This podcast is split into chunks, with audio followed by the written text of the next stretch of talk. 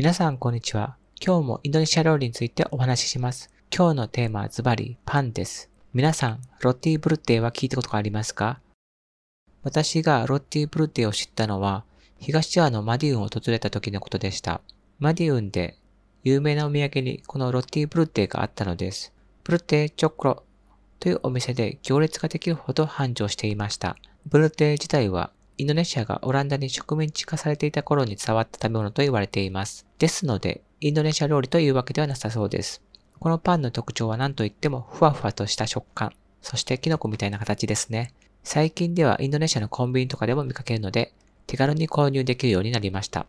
今日はプルテーのキスミス味を試してみました。キスミスとはレーズンのことで、ロティブルテーの人気の味の一つです。ご視聴ありがとうございます。それではまた明日。